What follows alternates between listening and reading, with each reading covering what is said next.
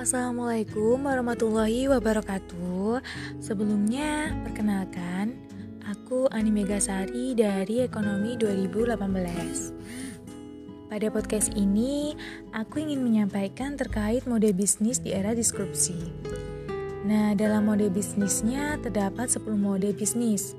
Antara lain itu ada subscription model, free model, marketplace model, hypermarket, access over ownership model, ada juga on demand model, piramid, ekosistem, experience model, dan premium model. Dengan adanya description, mengubah segalanya yang tadinya bisa dibilang kuno menjadi suatu hal yang menarik. Dan tentu akan berpotensi sehingga dapat membuka pasar baru. Sekarang bisa dipahami bahwa description itu salah satu gangguan yang terjadi di dalam sebuah bisnis. Jadi, setiap orang memandangnya dengan cara yang berbeda-beda.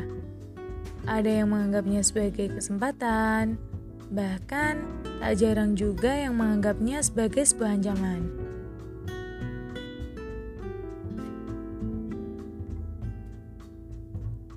Terlepas dari itu semua, perlu adanya perubahan sistem bisnis.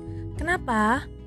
Agar kita dapat menarik pelanggan, sebab di era digital yang kita ketahui saat ini, banyak pelanggan yang ingin membeli produk ataupun jasa dengan cara sederhana dan mudah diakses oleh pengguna.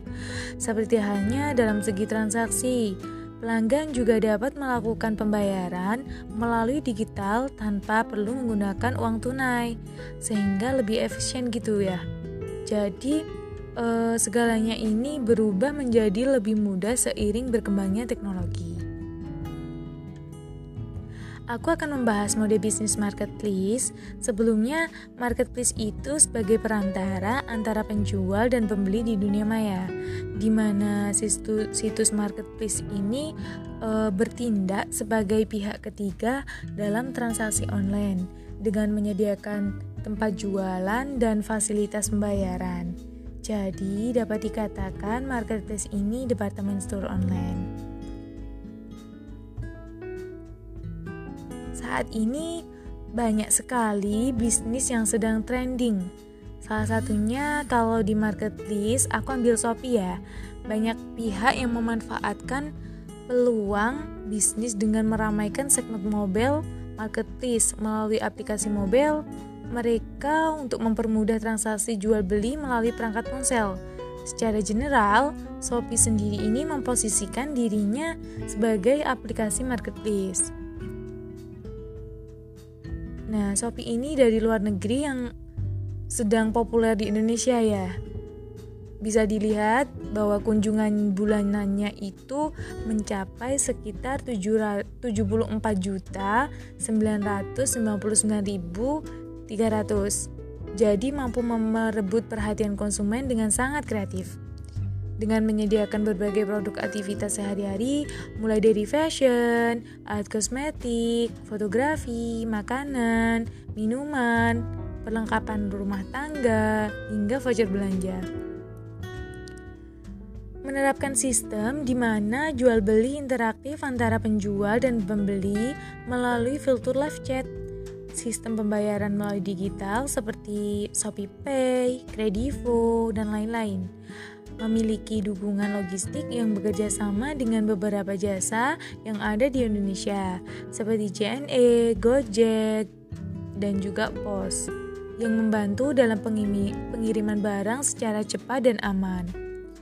Kelebihan Shopee sendiri, selain mudah penggunaan dalam pembelanjaan barang yang disediakan termasuk relatif lebih murah Nah, banyak sekali tawaran-tawaran untuk menarik pelanggan. Salah satunya itu ada ongkos gratis ongkir ke seluruh Indonesia.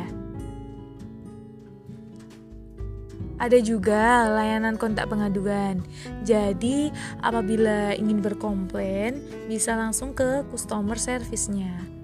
Dengan menyediakan refund, melalui garansi Shopee, dengan adanya refund tersebut itu dapat meminimalis terjadinya sebuah penipuan. Wah, jadi ini sangat enak banget ya. Nah, namun selain kelebihan tersebut, Tentunya Shopee ini juga memiliki kekurangan teman-teman, seperti hanya harus register dan harus memiliki akun terlebih dahulu jika ingin berbelanja. Akun yang telah terdaftar itu jika ingin dihapus harus menunggu 2 kali 24 jam. Memang, untuk ke depannya jauh lebih baik mendaftarkan dengan akun, sehingga tidak perlu repot-repot deh mengisi data kembali. Bagi yang belum ber terbiasa berbelanja di Shopee, lebih baik itu ketika membeli untuk metode pembayarannya sendiri bisa melalui minimarket terdekat seperti Alfamart ataupun Indomart. Nah, banyak sekali kreativitas yang ada dalam Shopee sehingga pengguna tidak merasa bosan dengan penambahan banyak-banyak fitur yang cukup menarik dan sangat tidak membosankan. Wah, dari sini uh, kita jadi tahu nih, apakah kita memilih Shopee sebagai tempat belanja ataupun jualan atau memilih marketplace lainnya. Kalau teman-teman milih apa nih? Kalau aku pribadi lebih memilih Shopee. Baik, terima kasih yang udah dengerin podcastku hari ini. Kurang lebihnya mohon maaf. Wassalamualaikum warahmatullahi wabarakatuh.